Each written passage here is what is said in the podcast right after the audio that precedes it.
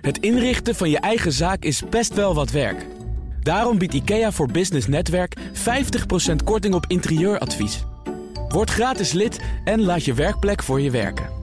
IKEA, een wereld aan ideeën. BNR en SRM feliciteren Klaas Wijma en zijn team met 100 afleveringen CMO Talk. Dat zijn 100 inspirerende afleveringen waarin CMO's hun scherpste inzichten deelden over het marketingvak. Op naar de volgende 100. CMO Talk wordt mede mogelijk gemaakt door SRM. SRM, de opleider van marketing- en communicatieprofessionals die excelleren in hun werk. BNR Nieuwsradio. CMO Talk. Klaas Wijma. Ja, ik vind beide heel erg interessant. Hè, marketing en sales. Mijn rode draad is wat meer de marketingkant geweest. Ja. Omdat ik de ontwikkelingskant binnen zo'n bedrijf vind ik gewoon heel erg leuk en interessant. De andere kant moet ik ook zeggen dat ik sales altijd... Ik heb altijd sales ook gedaan in dit eh, bedrijf. Altijd salesrollen gehad. Die heb ik ook altijd heel erg leuk gevonden. Je hoort Peer Swinkels, CEO van Swinkels Family Brewers. Hoi luisteraar, leuk dat je weer luistert naar CMO Talk, het programma waarin ik topmarketeers ondervraag over actuele marketingthema's. Met vandaag niet een CMO, maar een CEO te gast. Ja, je hoort het goed. Eh, we hebben vandaag te gast Peer Swinkels, CEO van Swinkels Family Brewers. En ja, we dachten dat is natuurlijk wel een hele bijzondere gast, want Peer heeft ook een rijk marketingverleden. Ik zeg we, want naast mij staat Alfred Levy. Eh, Alfred is mijn businesspartner van CMO Talk.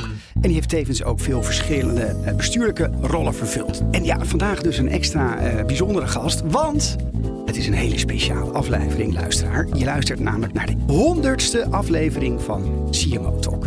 En samen met Peer gaan we in op het punt wat al nou, best wel lang discussie over is. namelijk de rol van marketing in de boardroom. Eh, want verdient die CMO eigenlijk wel een plek in de directiekamer? Nou, als oud-marketeer en tegenwoordig de CEO van een multinational heeft Peer hier vast een mening over. Peer, welkom bij CMO Talk. Goeiedag. Ja, hoi. Leuk om hier te zijn. Ja. Nou, voordat we starten met het gesprek, ja, omdat het zo'n feestelijke uitzending is, heb ik hier een eh, lekker flesje champagne meegenomen. En eh, we gaan gewoon vieren met jou dat we de- deze uitzending met jou mogen doen. Dus ik ga hem even openploppen. Komt-ie? 1, 2. Oh, je ook goed. Eh, vervolgens komt er heel veel champagne uit de fles. Nog net niet over de laptop, maar wel over de, de notities. Het is hier een bende geworden. Het is hier één grote chaos in de studio, beste luisteraar. Ik kom één Maar- keer en het is meteen zo'n chaos. Maar dat is ook de allerlaatste en de allereerste keer dat ik met champagne ga proosten op iets wat eh, gevierd moet worden. Want ik had eigenlijk gerekend op bier vandaag. Ja, nee, precies. Nou, als het heel gezellig wordt, wie weet. Ja. Ik geef jou een, eh, Ja. even een, eh, een, een glas. En dan, eh, dan heffen, we, heffen we het glas op eh, nou, nog eh, Ja, heel proost, veel hè? mooie, mooie jullie, eh, uitzendingen. Cheers. Honderdste. Hartstikke leuk. Zeggen ze, bier na champagne geeft franje. Ja. Zo. Nou, dat maakt de tongen extra los. hè? Zo'n klein beetje alcohol. We duiken er meteen in. En ik heb een mooie openingsvraag voor je. Je start je carrière als marketingprofessional bij eh, Unilever en schopt het uiteindelijk tot CEO van een familiebedrijf. Ondertussen gaan nog doekjes over de tafel. Eh, terugkijkend op die eerste jaren bij Unilever. Wat is nou jou het eh, als, als meest bijzonder bijgebleven van die tijd? Nou, het meest bijzondere is aan het allereerste begin ben ik begonnen in een stage in Vietnam. In het internationale stageprogramma van Unilever. Daar heb ik een tijdje vanuit Ho Chi Minh stad eh, gewerkt aan een project om noedels op de markt te zetten. En dat project heeft eigenlijk wel heel veel eh, betekend voor mij en de rest van mijn eh, loopbaan. Ik heb toen wel leren kennen wat ik echt leuk vind in het leven. Ja, want die vraag is vaak veel belangrijker van wat je nou, waar je nou eigenlijk je ambitie ligt. Hm. Dus je vraagt van wat vind ik nou leuk? Waar ben ik, en daar ben je automatisch vaak ook wel ergens goed in. En wat was dat? Wat, wat was nou wat je echt leuk vond? Wat Het je bouwen van business. Oké. Ja, dus eh, het bouwen van business. In dit geval was het een helemaal nieuwe business daar in eh, Vietnam.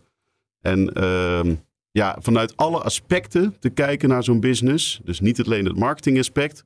Met name eh, als je merk gaat bouwen is marketing natuurlijk belangrijk. Maar er komt meer bij kijken bij het bouwen van een business dan het marketingaspect. Dus ik heb daar wel leren kennen wat ik echt leuk vond. Ja, en daar ben je uiteindelijk eh, natuurlijk veel, op, eh, op, veel, verder op doorgegaan. Uiteindelijk als CEO van natuurlijk een prachtig, eh, prachtig familiebedrijf. We gaan er straks uitgebreid op in. Maar ik wil toch even naar, ehm, Ja, jouw, jouw tijd, de jonge peer. Je was, je was afgestudeerd, je deed die, die, die stageplek, die, die internship bij, bij Unilever.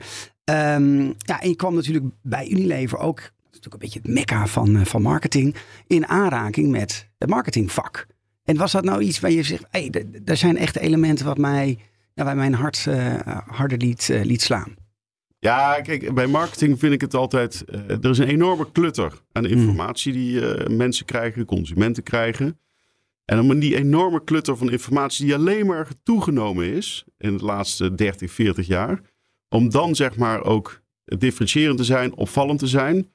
Ja, daar heb ik wel eh, altijd heel veel, zeg maar, ben ik altijd veel mee bezig geweest Hmm. met die vraag. Meer de essentie te, te zoeken voor de, voor de consument, is dat, dat dan wat je, wat je bedoelt? Ja, om te zorgen dat je je boodschappen die je hebt, Mhm. Hè, niet alleen in de zin van communicatie, maar ook vanuit het product. Hè, eh, dat je die op die manier vertaalt dat het past bij positionering en bij wat je wil zeggen over dat product. Waarbij je het ook vooral heel simpel probeert te houden, maar daar middelen bij zoekt om het ook opvallend te laten zijn. Hè, dus dat mensen het ook echt gaan ervaren en gaan zien. Nou, heb je een voorbeeld eh, van die tijd wat je, eh, wat je toen hebt eh, onder je hoede hebt genomen vanuit die... Nou, dat was bij in mijn Unilever-tijd kan ik al een voorbeeld noemen. Bijvoorbeeld, ik heb toen, toen ik verantwoordelijk was als brandmanager voor kuppensoep, heb ik een activatie gedaan waarbij we op 4 april, de vierde van de vierde, om 4 uur 's middags heel Nederland opriepen om te gaan staken als je geen kuppensoepautomaat op het werk had.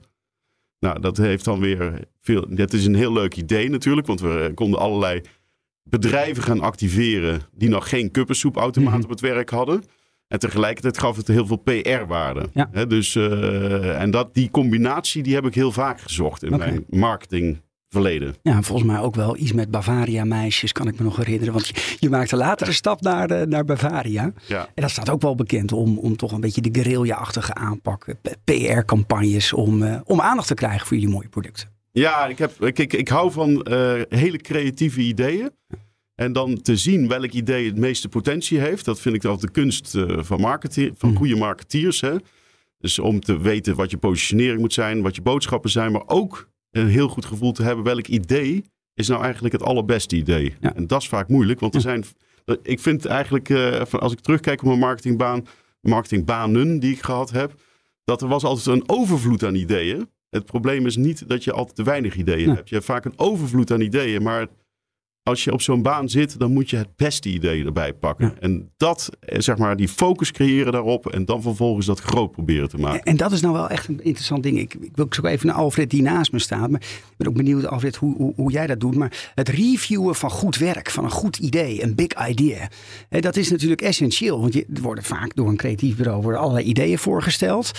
Waar ga je dan op weg? Is dat je intuïtie of zeg je nee, de ratio? Die, eh, die vind ik daarin heel erg belangrijk. Ik ben heel erg op intuïtie, eh, persoonlijk. Eh, ik geef een voorbeeld. In mijn tijd dat ik verantwoordelijk was binnen ons familiebedrijf voor marketing.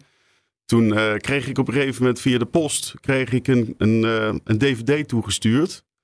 met een concept wat men in Rotterdam had neergezet rondom Formule 1 auto's en autoraces door het centrum van Rotterdam. Dat was al een keer in een soort try-out geprobeerd. En ik zag dat. En ik dacht, ik was al een tijdje in mijn hoofd bezig. Ik wil eigenlijk een beetje iets hebben waarbij we een groot 360-achtig evenement kunnen creëren. Hè, waarbij je alle eh, raakvlakken kan pakken in zo'n evenement rondom een concept. Hè, dus eh, richting verschillende mediakanalen, zeg maar.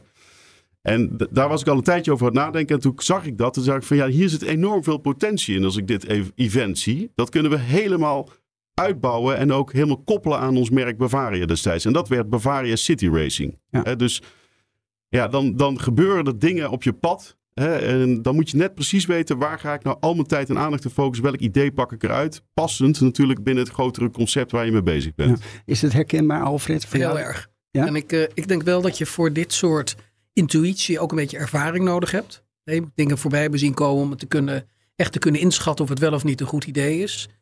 En de andere kant is ook wel een beetje, er is ook wel een beetje hard werk soms in. Je moet echt soms goed begrijpen wat je consumenten willen, de insights goed begrijpen. En op basis daarvan kun je veel gemakkelijker op je gevoel iets beoordelen. Ja. Dus niet alleen maar, ik heb een goed idee, laten we het doen. Ehm, maar het start natuurlijk wel met een gevoel hebben. Ja, klopt. Ja, en, en die ervaring helpt dan zeker. Hè, als je, dan, dat helpt ook bij de verdere uitbouw van zo'n idee. Want uh, vaak ben je natuurlijk geneigd, toen wij Bavaria City Racing naar het buitenland begonnen te brengen. Ja, dan heb je hele nieuwe obstakels waar je tegenaan gaat lopen. En dan, is, uh, dan, dan zijn de vragen die je hebt en die je stelt, uh, zijn heel erg belangrijk. Ja. Dus je moet ontzettend goed nadenken over welke vragen stel ik nou eigenlijk. Hè? Zeker als je in een leidinggevende rol uh, zit. Ja. Even terug naar, je, je triggert iets bij mij, ervaring. Essentieel, Alfred geeft ook aan. uiteindelijk nu natuurlijk CEO van een mooi, mooi familiebedrijf. Maar toen je na vijf jaar die overstap maakte naar het familiebedrijf, hoe was dat voor jou met minder dan vijf jaar ervaring om die overstap als Swinkels te maken? Nou, dat was een, eh, een best, eh, hoe gek het ook klinkt, een grote overstap. Hmm. Want uh, ik kende het bedrijf van kinds af aan al best wel goed. Hè, want ik heb, ben echt begonnen letterlijk op de heftruck ooit in zomervakanties. En daarna ben, ben ik uh, zeg maar achter de bottellijn gaan werken. Ik heb in de administratie gewerkt in de zomervakantie. Ik ben in het kantoor in Engeland gaan werken. Dus ik kende dat bedrijf natuurlijk eigenlijk wel heel goed van binnenuit. Mm. Alleen uh, als je dan een tijdje uit bent, ik ben toen econometrie gaan studeren en toen bij Unilever aan de slag gegaan. Dan kom je terug in het familiebedrijf. Maar dan kom je ook achter dat je het bedrijf ook nog niet, lang niet zo goed kent als je altijd had gedacht. Hè? Dus uh, dat was best een grote stap eigenlijk. Hey, en uh, vanaf 2004 had je ook een plek in het raad van bestuur. Je was toen nog best wel jong. Wat voor impact had dat op jou? Nou, ik had, ik heb, achteraf gezien heb ik wel geleerd dat ik had natuurlijk ook bij Unilever verder kunnen gaan. En dat is een enorm groot bedrijf. Mm ik heb wel geleerd dat als je eenmaal die stap maakt op jonge leeftijd, eh, zoals dat toen uh, is gegaan, dan leer je echt heel veel. Hè? Dus dat had ik nooit kunnen leren bij zo'n heel groot bedrijf. Wat ik geleerd heb in die periode daarna. Was dat ook, hielp het om de, de Swinkels familienaam te dragen? In nou, dat leerproces? Nou, kijk, weet je, het is natuurlijk wel zo, het is een echt familiebedrijf. Dus mm. er werken ook hè, op dit moment 19 familieleden in het bedrijf. Ja. Uh, maar die werken op allerlei functies binnen het bedrijf. Hè, van, van, van de directie tot allerlei andere rollen in het bedrijf. Uh, en natuurlijk is het zo dat de familie bij ons een, een, in de cultuur van het bedrijf een belangrijke drager is. Ook, hè. Dus dan, ja, dan is dat natuurlijk voor bepaalde rollen is dat ook wel soms wel eens extra interessant om daar een familielid op te hebben. Ik noem maar even op verkoop. Hè, is het soms wel eens heel erg goed om een familielid te hebben die natuurlijk de competentie daarvoor heeft. Ja. Uh, hè, want je komt bij een klant toch binnen op een bepaalde manier die ook meer impact kan maken. Dus ik, dat kan helpen. Maar het is zeker uh, bij ons bedrijf ook tegelijkertijd wel zo dat er, in, als het puur naar prestaties en competenties wordt gekeken, dan is dat gewoon volledig gelijk getrokken tussen familie of niet familie. Had je het gevoel dat je extra hard moest werken om die plek in de boord uh, te verdienen? Uh, nou, het is als familielid soms moeilijker dan een niet-familielid, als je zeker als je daar uh, ja. zit. Ja. ja. ik kan me voorstellen dat dan uh, ja, vader, moeder, neven, nichten, want het is een grote familie, hè, de familie, familie Swinkels in ja. totaal. Want jullie zijn, hoeveel, hoeveel Swinkels zijn aandeelhouder in? ja, we hebben geen individuele aandeelhouders, maar certificaathouders en zijn er meer dan 200. Ja, precies. En dan, en dan word jij in de punt gezet. Als CEO uiteindelijk. Nou, niet alleen. Hè? Nee, nee. Ik heb natuurlijk altijd met een heel team uh, samengewerkt. En uh, met familieleden, niet-familieleden. Mm. Uh, een hele diverse groep altijd. Dus nee, ja, het is, het is, zo heeft het mij dan weer niet gevoeld. Oké, okay, gelukkig. Hey, ik wil terug naar het, het, het hoofdonderwerp van, van dit gesprek. dat is natuurlijk de plek van de marketeer in de organisatie. Hè. De onder CMO's is eigenlijk al jaren een heilige graal. CMO's horen thuis op het hoogste niveau van de organisatie. Bij Swinkels Family Brewers is dit met een CEO, een CFO en een CCO in de board niet zo.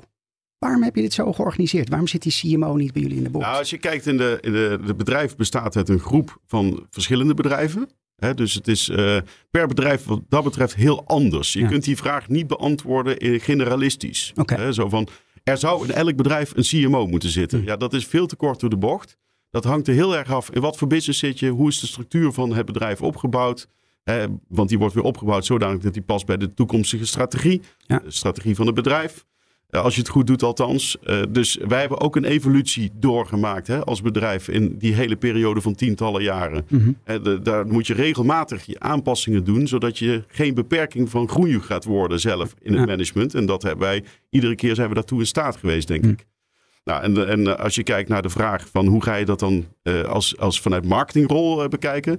In ons bedrijf is het zo dat we een groep van bedrijven zijn. Niet alleen business to consumer, hè, met bier bijvoorbeeld, waar iedereen ons van kent. Maar wij zijn ook heel erg actief in business to business. Hè. Dus hm. In de, in de grondstoffenmarkt zijn we heel erg actief, want wij produceren heel veel mout. Ja. Hè, dus eh, daarnaast hebben wij verschillende productiebedrijven in Nederland en daarbuiten. En dat moet je ook heel goed eh, organiseren. Dus wij hebben in de, eh, in de raad van bestuur maar twee mensen zitten. Hè? Een CEO en een CFO. En daaronder zitten verschillende bedrijfsonderdelen hè, die eigen managementteams ook weer hebben. Ja. En in die managementteam, Daar daar zit daar zit wel de marketing practice. Ja, zit het marketingstuk altijd in als, als het relevant is voor dat bedrijfsonderdeel. Hè, dus bijvoorbeeld bij B2C, bij business to consumer. Eh, In dat bedrijf, Swinkels Family Broers is dat, eh, dat onderdeel in onze groep. Eh, daar zit natuurlijk iemand die verantwoordelijk is voor marketing, maar ook voor sales bij ons. Hey, En als je dan kijkt zeg maar, naar de manier waarop je dingen organiseert en je kijkt hoe de wereld dat doet, zie je heel vaak dat de marketingfunctie nog gecombineerd wordt met een commerciële functie of met een digitale functie. Zie jij dat ook gebeuren bij jullie? Ja, wat, wat wij hebben gedaan is wij hebben heel erg bewust gekozen om op het, de, directiedivisie van ons business consumer bedrijf Swinkels Family Broers. Daar hebben wij een commerciële rol neergezet. Dus dat is marketing en sales. En ook digital zit daar ook in. Dus daar is alles samengepakt. En waarom hebben we dat gedaan? Omdat de ervaring bij ons heeft geleerd dat het belangrijk is, wat ik altijd noem een beetje, de scheidsrechter te hebben. Hmm. Want marketing en sales eh, hebben, eh, eh, moeten allebei bijdragen aan de lange termijn waardeontwikkeling van het bedrijf. Dat is wat je wil nastreven. Maar sales is altijd per definitie wat meer korte termijn gericht en marketing wat meer lange termijn gericht. Dat levert spanning op. En dat levert een bepaalde spanning op. Ja. Die spanning heb je overigens ook nodig. Hè? Er moet een bepaalde spanning zijn tussen die twee functiegebieden. Maar het mag niet te veel zijn, het mag niet te weinig zijn. Hmm. En om dat heel goed te begeleiden, heb je iemand nodig, hè, wat mij betreft, die in de top zit, die dat kan. Ja. En daar hebben we dus een commerciële rol gecreëerd, een commercieel directeursrol gecreëerd. Eh, en eh, ja, dat- zo hebben we dat gestructureerd. Nou, en die ook dus die taal van die beide werelden eh, ja, kent. Die en ook de functies heel goed begrijpt. Hè? Dus die moeten zowel de Ja. marketingrol heel goed begrijpen als de salesrol Ja. heel goed begrijpen. Alfred, is het eigenlijk wel überhaupt een relevante vraag? Hoort de CMO thuis in de boardroom? Ja, het is een, volgens mij een hele relevante vraag. eh, om twee redenen. Ten eerste, ja, als ik reageer op jouw antwoord, eh, Peer, dan zie je dat veel van de CMO's tegenwoordig het gevoel hebben dat de sales, hè, dus dat de directe verkoop, een veel grotere rol spelen dan het bouwen van langetermijn merkende strategieën. Hè, dus dat ze eigenlijk altijd zich een beetje onderbedeeld voelen eh, eh, als ze niet een specifieke functie hebben. Het tweede is, en dat is een verlengstuk van dat punt, je ziet eigenlijk ook wel heel veel, hè, dat het belang van klanten toch ondergeschikt wordt gemaakt. Ehm, ik heb zelf lang bij een retailer gewerkt. Eh, ik ben nog steeds actief als een bestuurder bij een retailer. En wat je daar altijd ziet is dat productdenken is de start van een retailer en niet het klantdenken. Ook al zeggen we heel vaak anders. Ja, en, en, en dat is weer heel erg gekoppeld, vind ik, aan de cultuur in het bedrijf. Dus, eh, ehm, want bijvoorbeeld in ons bedrijf is het natuurlijk een familiebedrijf. Wij zijn per definitie altijd wat meer gericht op de langere termijn Ja. ontwikkeling. Dus, eh, dus dan is het gevaar wat jij omschrijft, eh, Alfred, wat ik heel goed begrijp. Het is, is misschien wat minder aanwezig. Mhm. Want bij ons wordt sowieso de afweging lange en korte termijn wordt altijd gemaakt op een zodanige manier. Ik zeg altijd lange termijn bij ons is korte termijn omdat we altijd lange termijn gewerkt hebben, is het ook korte termijn goed. Hè? Dus, eh, ja. En dan kun je die rol zo eh, definiëren in, eh, in, die, in zo'n directie als een commerciële rol zoals ik net beschreef. Als je inderdaad op topniveau zeg maar, zeker wil stellen dat daar niks misgaat, dan zou je kunnen splitsen in een marketingrol en een salesrol. Ja, ja. En waarbij je een CEO hebt die de, scheid, die de scheidsrechter gaat spelen. Precies. Ik wil jou graag een eh, aantal dilemma's eh, voorleggen, Beer. De befaamde dilemma's. En ik ben best streng altijd, dus je moet één van de twee kiezen. En na afloop mag je er eentje uitpakken om, eh, om toe te lichten. Ben er klaar voor? Ja, Marketing of sales? marketing. Nieuw biertje of nieuwe productcategorie? Nieuwe productcategorie. Challenger of marktleider? Challenge. Marktaandeel of winst? Winst. Pils of alcoholvrij? Alcoholvrij. Carnaval in Lieshout of in Rio? Lieshout. ja, die was echt simpel. Dat vreest ik al. Heb je er eentje? Er zat een beetje, als ik een voorzetje mag geven, Peter, er zat een, je moet wat nadenken over marktaandeel of winst. Zou je die willen toelichten? Ja, die, eh, daar moet ik even over nadenken. Want dat vind ik toch al echt, eh, daar gaat het echt over de balans. Eh, want je wil eigenlijk de balans tussen die twee pakken. Dus daar had ik eigenlijk liever allebei willen zeggen. Maar het mocht niet van jou, dus, eh, ja. dus heb ik me maar gehouden. Ja. maar daar zou ik eerder de balans willen zoeken. Ja. Eh, dus eh, de andere vraag over marketing of sales voor mij. Ja. Ja, ik vind beide heel erg interessant. Eh, marketing en sales. ik heb uiteindelijk, zeg maar, mijn rode draad is wat meer de marketingkant geweest. Ja. Omdat ik de ontwikkelingskant binnen zo'n bedrijf vind ik gewoon heel erg leuk en interessant. De andere kant moet ik ook zeggen dat ik sales altijd, ik heb altijd sales ook gedaan in dit eh, bedrijf. Altijd salesrollen gehad. Die heb ik ook altijd heel erg leuk gevonden. Dus vond ik ook een moeilijke Oh, keuze. dat is mooi. Dat is mooi. En alcohol, als ik mag vragen. Ja, alcoholvrij. Of, eh, Ja? ja. Ja. omdat ik vind dat de ontwikkeling van alcoholvrij bier is. eh, ik, ik ben namelijk zelf een enorm fan van alcoholvrij bier. Natuurlijk ben ik ook een groot fan van bier, laat dat vooropstellen. Maar alcoholvrij bier is een, een van de mooiste producten die er is qua drank. Eh, waarom? Het is, een, het is misschien wel het meest gezonde drankje wat je kan drinken. Is dat zo? Ja, omdat al, eh, alcoholvrij bier heeft niks slechts. Het heeft alleen maar goed. Het heeft eh, veel dranken hebben. Bijvoorbeeld koffie heeft cafeïne, melk heeft dierlijke vetten. eh jus d'orange is een caloriebom. water heeft helemaal niks. eh, thee heeft theïne. nou, zo heeft iedere drank wel een nadeel. Alcoholvrij bier heeft geen enkel nadeel. Geen die hebben alleen maar, die hebben alleen maar goed. Die zijn, Oké. heel, zijn na water het minst in calorieën Hm. qua dranken. Dus wel een puur natuurproduct. Geen, niet een aspartaam gezoet product bijvoorbeeld. Een zero product, maar is puur natuurproduct. Zitten vitamines in, er zitten mineralen in. En is ook nog bijna isotonisch. Dus het, eh, het eh, hydrateert heel snel. Ik hoor, jij bent toch wel echt een marketeer, toch? Ja, dat is, dat is- Ja, Ik wil, Nou, ik champagne Ja, ja, precies. Ik wil eh, heel graag nog joh, een, een vraag stellen over jouw eh, ook een rol als commissaris. Want dat ben je bij een aantal bedrijven. Tony Chocoloni, bij Bolsjes onder andere. En ik Bij weet, Tony's ben ik het geweest. Of hè? geweest, Ja. geweest. Ja. Ehm, ik weet dat heel veel CMO's die nu luisteren ook heel graag zo'n commissarisrol zou, zou willen hebben. Maar ja, in de praktijk blijkt dat eh, best lastig om als CMO op die, eh, op die plek gevraagd te worden. Dat kan meerdere oorzaken hebben. Hoe, hoe denk jij eh, daarover? Denk je dat dat ook zo is? Nou, wat voor een commissaris vaak belangrijk is, dat je wat breder hebt gekeken al in je carrière. Hm. Dus dat je niet op één functiegebied alleen hebt uitgeblonken. Ja. Eh, dus eh, ik zal elke marketeer die die ambitie heeft ook willen aanbevelen om in de loopbaan ook eens een keer een uitstap te maken naar een ander functiegebied. Hm. Eh, dus, want het is ook belangrijk om andere perspectieven te kennen in een bedrijf. Hè? Dus een, een, een, als je in de koker van marketing blijft hangen, wat, als dat een keuze is omdat je het gewoon heel erg leuk vindt en het super interessant blijft vinden, dan zou ik vooral zeggen: blijf het doen. Want het is een mooi vak. Maar als je de ambitie hebt om commissaris te worden, bredere bestuursrollen te gaan doen, dan is het handig dat je ook iets andere perspectieven nog hebt leren Ja. kennen. Alfred, jij bent zelf commissaris bij een aantal eh, organisaties. Wat is jouw ervaring? Nou, in aanvulling eh, op wat je zegt, Peer. eh, mijn ervaring is, is dat veel mensen uit het marketingvak erg operationeel gericht zijn. En als je nou één ding niet moet zijn, als commissaris, is het operationeel gericht. Je moet afstand kunnen nemen van de mensen die het doen en, en daar iets van vinden. Het tweede wat ik heb, mensen denken ook altijd meteen beginnen, grote bedrijven, grote omgevingen.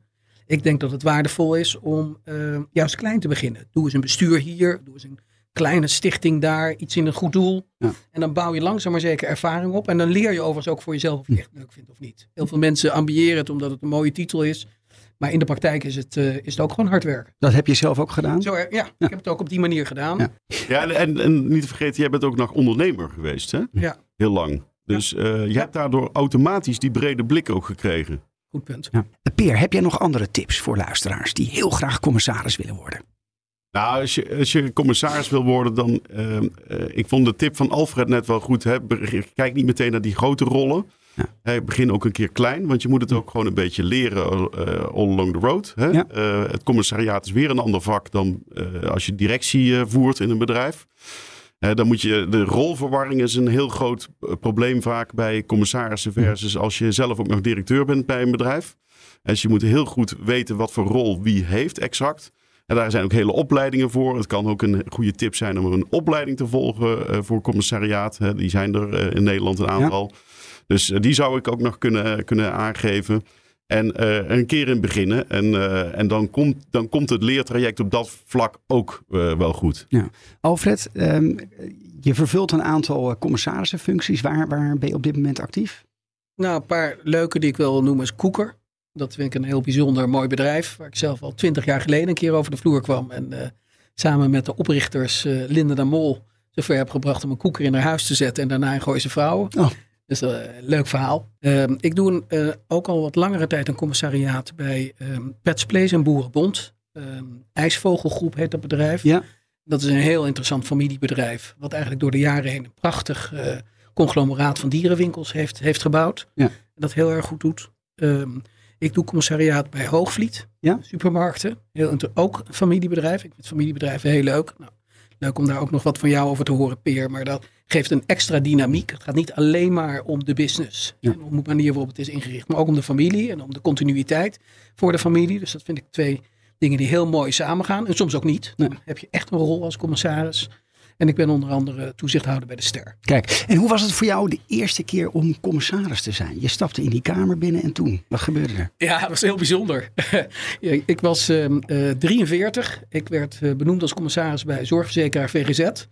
En ik, ehm, eh, ik dacht, oh, weet je, fantastisch. Maar dat bedrijf was net na een fusie weer uit elkaar gevallen. Eh, Unive en VGZ waren in elkaar en uit elkaar. Ja. En ik kwam in een situatie terecht waarin ik ehm, dacht, nou, ik ga lekker reputatie en een beetje commercieel en, mark, en een beetje mijn onderwerpen op de agenda wat meer belicht. Daar was helemaal geen tijd voor. Het was, ging over totaal andere dingen. Een deceptie? Eh, nee, het was niet een deceptie, maar het was wel iets van jeetje, wat nu? En, eh, en dat wat nu zat heel erg aan de ene kant in zorgen dat je echt je momenten krijgt. En langzaam maar zeker ook je onderwerp op de agenda krijgt. Hmm. Beetje invechten zou ik bijna willen zeggen. Ja. En aan de andere kant ook wel respect krijgen. En respect krijgen doe je door in het hart van de business je ook echt te gaan verdiepen in wat er speelt. Dus Ja. ik ben twee, na twee jaar eh, voorzitter geworden van de auditcommissie. Dat is bij een zorgverzekeraar een serieus ding. En, ehm, en daar heb ik echt heel hard gewerkt om dat goed te doen. En dan moet je onder andere door de Nederlandse Bank worden goedgekeurd. Dus dat speelt hè, voor, een, voor een marketeer. Ik ben overigens net als jij peer econometrist. Maar voor een marketeer is dat wel een dingetje. Peer, heb je nog een mooie anekdote over jouw eerste eh, commissariaat? Nou, mijn eerste commissariaat is eigenlijk voortgekomen uit eh, het feit dat ik heb ooit in een project gezeten toen ik nog bij Unilever werkte. Dat ik het allereerste reclamebureau van, een online reclamebureau van Nederland heb eh, live gebracht. Dus gewone consumenten konden reclame-ideeën in, insturen en met geld van Unilever konden ze die ideeën ook uitvoeren. Dat was het idee erachter. Er is een heel project eh, ontstaan, maar daar is ook een docu-soap over gemaakt Oh. uiteindelijk. En die docu-soap is gemaakt door iemand die later met Keuringsdienst van Waarde is begonnen. Het programma, het televisieprogramma, dat zelf is gaan produceren. En in de Keuringsdienst van Waarde is uiteindelijk ook Tony Chocoloni ontstaan. Dat is Maurice Dekkers. En, eh, en Maurice die begon daarmee. En die is eh, de dag dat hij met die chocoladerepen eh, begon, Tony Chocoloni, was het natuurlijk nog heel klein. En toen heeft hij mij gebeld om te vragen of ik hem kon gaan helpen. En dat heb ik heel lang gedaan eh, bij Tony's. En vanaf eigenlijk de allereerste reep die in de, in de winkel lag op, bij Shakey's Juice Bar in Amsterdam Centraal Station. tot aan, tot aan zeg maar, waar het bedrijf nu staat. Die hele reis heb ik meegemaakt met Tony's. Eh, een hele bijzondere reis. Maar op een gegeven moment kwam er een moment dat de, het bedrijf echt groter was geworden. En toen, moest er een, toen wilden ze ook een commissariaat eh, neer gaan zetten. Ja. En toen ben ik een commissar- commissaris geworden, ook bij het bedrijf. Eh, eerst heb ik bestuur van de Goede Doelen Stichting ook gedaan, Hm. van Tony's. Later ben ik commissaris geworden en uiteindelijk voorzitter van de Raad van Commissarissen. Daar moest ik helaas, dat vond ik wel heel jammer, mee stoppen toen ik CEO werd van ons bedrijf. Want eh, volgens de code tabaksblad, daar heb je ook weer mee te maken als je Ja. commissaris wordt. Mag niet governance? Ja? CEO zijn van de ene structuurvennootschap en eh, eh, voorzitter van de Raad van Commissarissen van een andere structuurvennootschap. Dat mag niet volgens de regels. Dus ik heb toen eh, het bedrijf eh, geholpen om de volgende groeifase, ook de volgende investeerders. eh, hè, en toen ben ik Hmm. gestopt, ook vanwege de regelgeving rondom commissarissen. Dus nou, dat, ik, ben daar, ik ben daar. Dus, maar ik heb daar natuurlijk wel de ervaring opgebouwd in dat bedrijf. hè, door als eerst als adviseur en later als commissaris actief te zijn. 15 jaar lang maar liefst. Eh, maar eh, ik heb ondertussen ook, eh, ben ik ook commissaris bij Bolsjes. bekend van de kaarsen, een van de Ja. grootste kaarsenbedrijven ter wereld. Zeker. Ja, ook hard groeiend. In CMO Talk leggen we onze gasten altijd een stelling voor. En we hebben er eentje voor je voorbereid. Peer, hier komt hij. Marketing is een te klein onderwerp voor een rol in de board. Nee. Als ik daar een heel simpel antwoord mee moet geven, dan is dat nee. Het is niet een te klein onderwerp. Hmm. Marketing is natuurlijk zeker voor bedrijven die... Eigenlijk elk bedrijf heeft te maken met marketing. Ieder Ja. bedrijf. Eh, je, kunt zo, je kunt niet zo gek verzinnen als, als niet. Eh, waarom zeg ik dat? Kijk, eh, omdat marketing wordt vaak gezien in bedrijven als een afdeling. Maar dat is het niet. Hmm. Marketing, als, als je echt een marketingbedrijf wil worden, dan moet je dan is er natuurlijk altijd een afdeling waar bepaalde zaken geconcentreerd worden en gecoördineerd worden rondom marketing en het nemen van beslissingen op het gebied van marketing. Dat moet je wel coördineren natuurlijk binnen een afdeling. Ehm, Maar eh, tegelijkertijd, er zijn echt goede marketingbedrijven. Die hebben het zo voor elkaar gekregen om iedereen in het bedrijf een marketeer te laten worden. Dus ik zeg zelf altijd, in ons bedrijf zou ik het liefst natuurlijk zien dat eh, mensen die in productie werken, dat die zijn een onderdeel van de P van product. Mhm. Een belangrijke P in marketing zijn ook marketeer. Want de Ja. kwaliteit van het product en de ontwikkeling van producten enzovoorts, die vaak bij productie liggen, is gewoon marketing. Ja. Sales is distributie. Ja. Dus, en distributie, plaats, de P van plaats in de oude vier P's, is ook een hele belangrijke marketing P. Dus sales is ook een marketeer tegelijkertijd. En zo kan je eigenlijk IT tegenwoordig, nou, de functie IT en alles wat er gebeurd is op dat terrein in de wereld in de laatste 20, 30 jaar, heeft alles te maken weer met marketing. Ja. En dus ook die mensen zijn marketeer in het bedrijf. Dus de, de, de, de paradox in bedrijf is eigenlijk om aan de ene kant te zorgen dat je marketingbeslissingen, dat je die ook duidelijk eh, coördineert en centreert in een bedrijf. Aan de andere kant iedere keer iedereen in dat bedrijf een marketeer te laten Ja. zijn. Ja, zou je marketing ook synoniem kunnen, eh, kunnen laten zijn voor ja, eh, de stem van de klant? Ehm, stem van de klant, maar vooral ehm, ehm, toch ehm, alle aspecten die komen kijken bij een dienst of een, een, een, een product eh, wat je in de markt zet. Dat alle aspecten die daarbij komen kijken, dat hele wiel eh, van 360 graden maakt als bedrijf. En als je dat heel goed doet, dan hebben alle afdelingen betrok, eh, betrokkenheid bij die klant of die consument eh, uiteindelijk. En dat moet je wel voor elkaar Dan krijgen. moet je van, Een beetje zoals de CFO eh, ook zijn rol in de afgelopen jaren enorm heeft uitgebreid. Eh, maar het was, vroeger was een CFO toch vooral een accountant. En de hoogste man was een hele goede accountant. Of iemand die er al heel lang zat. Ja. Eh, tegenwoordig heeft hij eigenlijk zijn vakgebied uitgebreid met keur van zaken. En je noemde net al ehm, informatics, eh, data, eh, de manier waarop je omgaat met governance, de manier waarop je omgaat met regelgeving. Er zijn eigenlijk eindeloos veel zaken die inmiddels ook tot de rol van een CFO behoren. Waardoor die CFO een, ik zou bijna willen zeggen, aangeklede rol heeft. En in dat vergelijk, als ik luister naar jou, dan zeg je de marketeer lijkt er ook misschien wel een beetje op. Alleen die heeft niet altijd de status in zo'n bedrijf. Nee, en, en, en maar de CFO bijvoorbeeld, hè, als die bijvoorbeeld geen bis- business controlling ervaring heeft, is dat vaak een, een, een echt een lastige, vind ik. Want Ja. hè, en als je de business controlling hebt gedaan, hè, dan ben je automatisch meer geconnect aan de business. En, en aan alles wat daarbij komt kijken. Sales, marketing, IT, operations, noem maar op. Dus eh, dat wil je ook met een CFO bereiken uiteindelijk. Hè, je moet inderdaad een bredere blikveld ook weer hebben. Net zoals bij marketeers dat soms ook nodig is. Ben je het eens met de stelling? Ik zal hem nog even herhalen. Alfred, marketing is te klein onderwerp voor een rol in de board. Ja, ik ben het er eigenlijk wel mee eens. Maar dan met name over de manier waarop we marketing vandaag de dag zien en beoordelen. Dus in heel veel bedrijven is de marketeer of de, hè, dat heette vroeger marketingdirecteur. En tegenwoordig noemen wij dat met CMO ook noemen we dat CMO. En maar de CMO is de Chief Marketing. Die moet eigenlijk het, het vak en het vakgebied en de mensen aansturen. Ja. Heel vaak zie je dat het iets te klein wordt. Dat we zo in de operationele fase terechtkomen. Jij bent van de campagne. Jij bent van misschien het merk bouwen. Maar nee, de eigenaar van het merk, dat is de CEO. Ja. Weet je, dus eigenlijk elke keer als het echt wat groter en belangrijker wordt, geeft of de marketeer niet thuis, of geeft het bedrijf niet thuis. Dus je moet net zoals ik vind de CFO dat knap heeft gedaan, moeten we ook als CMO's daar zeggen, maar waar zijn we nou eigenlijk echt van? Ja. Ik vind duurzaamheid een heel mooi voorbeeld. Nee, SDG's je- noemde je net. Ja, SDG is eigenlijk een, nou, is een fantastisch voorbeeld waarvan je ziet dat veel CFO's nu dat onderwerp claimen. Maar de CFO, je zou het meten, zeg maar, van Hmm. effect zou je daar kunnen neerleggen. Maar het bedenken van wat je wil doen, hoe je dat eigenlijk een plaats geeft in de organisatie, echt laat zijn van de organisatie en dat verder bouwt. Ja, en het ook Ja, vertelt, denk ik. En het Want, vertelt, marketeers zijn van nature hele goede storytellers. We hoorden net weer heel enthousiast praten over de ingrediënten en de gezonde voedingswaarde van eh, 0.0. Maar ja, dat is misschien toch wel de grote kans voor, voor de CMO. Ja, dat, en, dat is dus een, ook een belangrijk onderdeel daarvan. Maar dat gehele onderwerp, daarvan zou je kunnen zeggen, maak dat nou een onderwerp van marketing. Ja, ja. Het is namelijk eigenlijk een aansluiting van wat het bedrijf doet, zeg maar, in de wereld, naar de consument die dat verwacht van zo'n bedrijf. Je hoort nu trouwens ook veel eh, alternatieve termen opkomen hè, in het board. Dus met name in Amerika wordt de CMO-rol vervangen of door CCO of door Chief Growth. Ehm, herkennen jullie dat ook? Ja, nou wij hebben toevallig een Chief Growth Officer, maar ook een commercieel directeur met marketing. Hè? Dus eh, we hebben allebei. Uh, want bij ons is de, dat is maar net de, ook de definitie. Hè? Ik merk ook soms in bedrijven noemen ze uh, dit zo en zus. Uh, ja, maar als je dan naar de rolbeschrijving kijkt, is het soms anders tussen bedrijven. Dus bij ons is het Chief Growth Officer is verantwoordelijk voor alle new business development-achtige zaken. Hè? Ja. Dus voor de grote strategische projecten, voor het bouwen van nieuwe brouwerijen en dat soort zaken. Ja.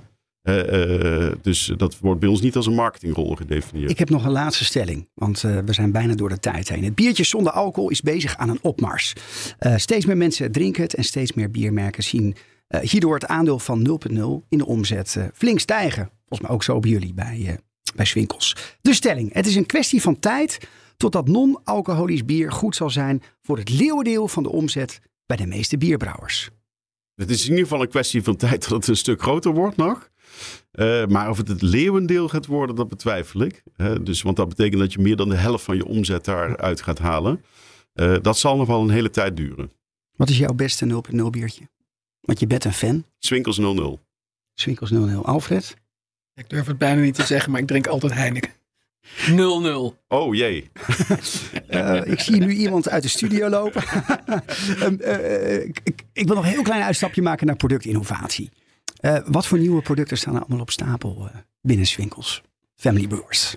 Ja, nou goed, wij hebben een, natuurlijk een doorlopend programma van het introduceren van, uh, van nieuwe producten. Maar ik zoek eigenlijk een scoop, hè, nu. Ja, dat snap ik. En die ga, denk ik dat ik die vandaag ga geven hier in deze studio. Ja, dat zou leuk zijn. Ik, ik, ik, ik ga niet het gras voor de, voor de voeten van onze marketeers wegmaaien. Oké, oké, oké. Ehm, maar komt er nog uh, iets, iets spannends aan? Iets wat je kan delen? Nee. Er is geen WK of EK-opkomst. Weet je wel, dat zijn van die geëikte momenten dat ze die vraag aan mij stellen. Dus uh, ja. Ja, ik ben een beetje van me apropos eigenlijk. Door het hele duidelijke antwoord van Peer. Nou, laten we gewoon het interview afronden. Ik vond het in ieder geval hartstikke leuk. Een prachtige jubileumaflevering. De honderdste editie met Peer Swinkels van Swinkels Family Brewers en Alfred Levy van CMO. Ik hoop dat je over twee weken weer luistert naar CMO. En ik wil je bedanken luisteren. En Peer en Alfred, dank voor jullie komst in de studio. Graag gedaan. Dat is erg. Dankjewel. CMO Talk wordt mede mogelijk gemaakt door SRM. SRM, de opleider van marketing- en communicatieprofessionals die excelleren in hun werk. Een kleine update maakt een wereld van verschil. Daarom biedt IKEA voor Business Netwerk gratis snelle interieurtips en ideeën. Word gratis lid en laat je werkplek voor je werken. IKEA, een wereld aan ideeën.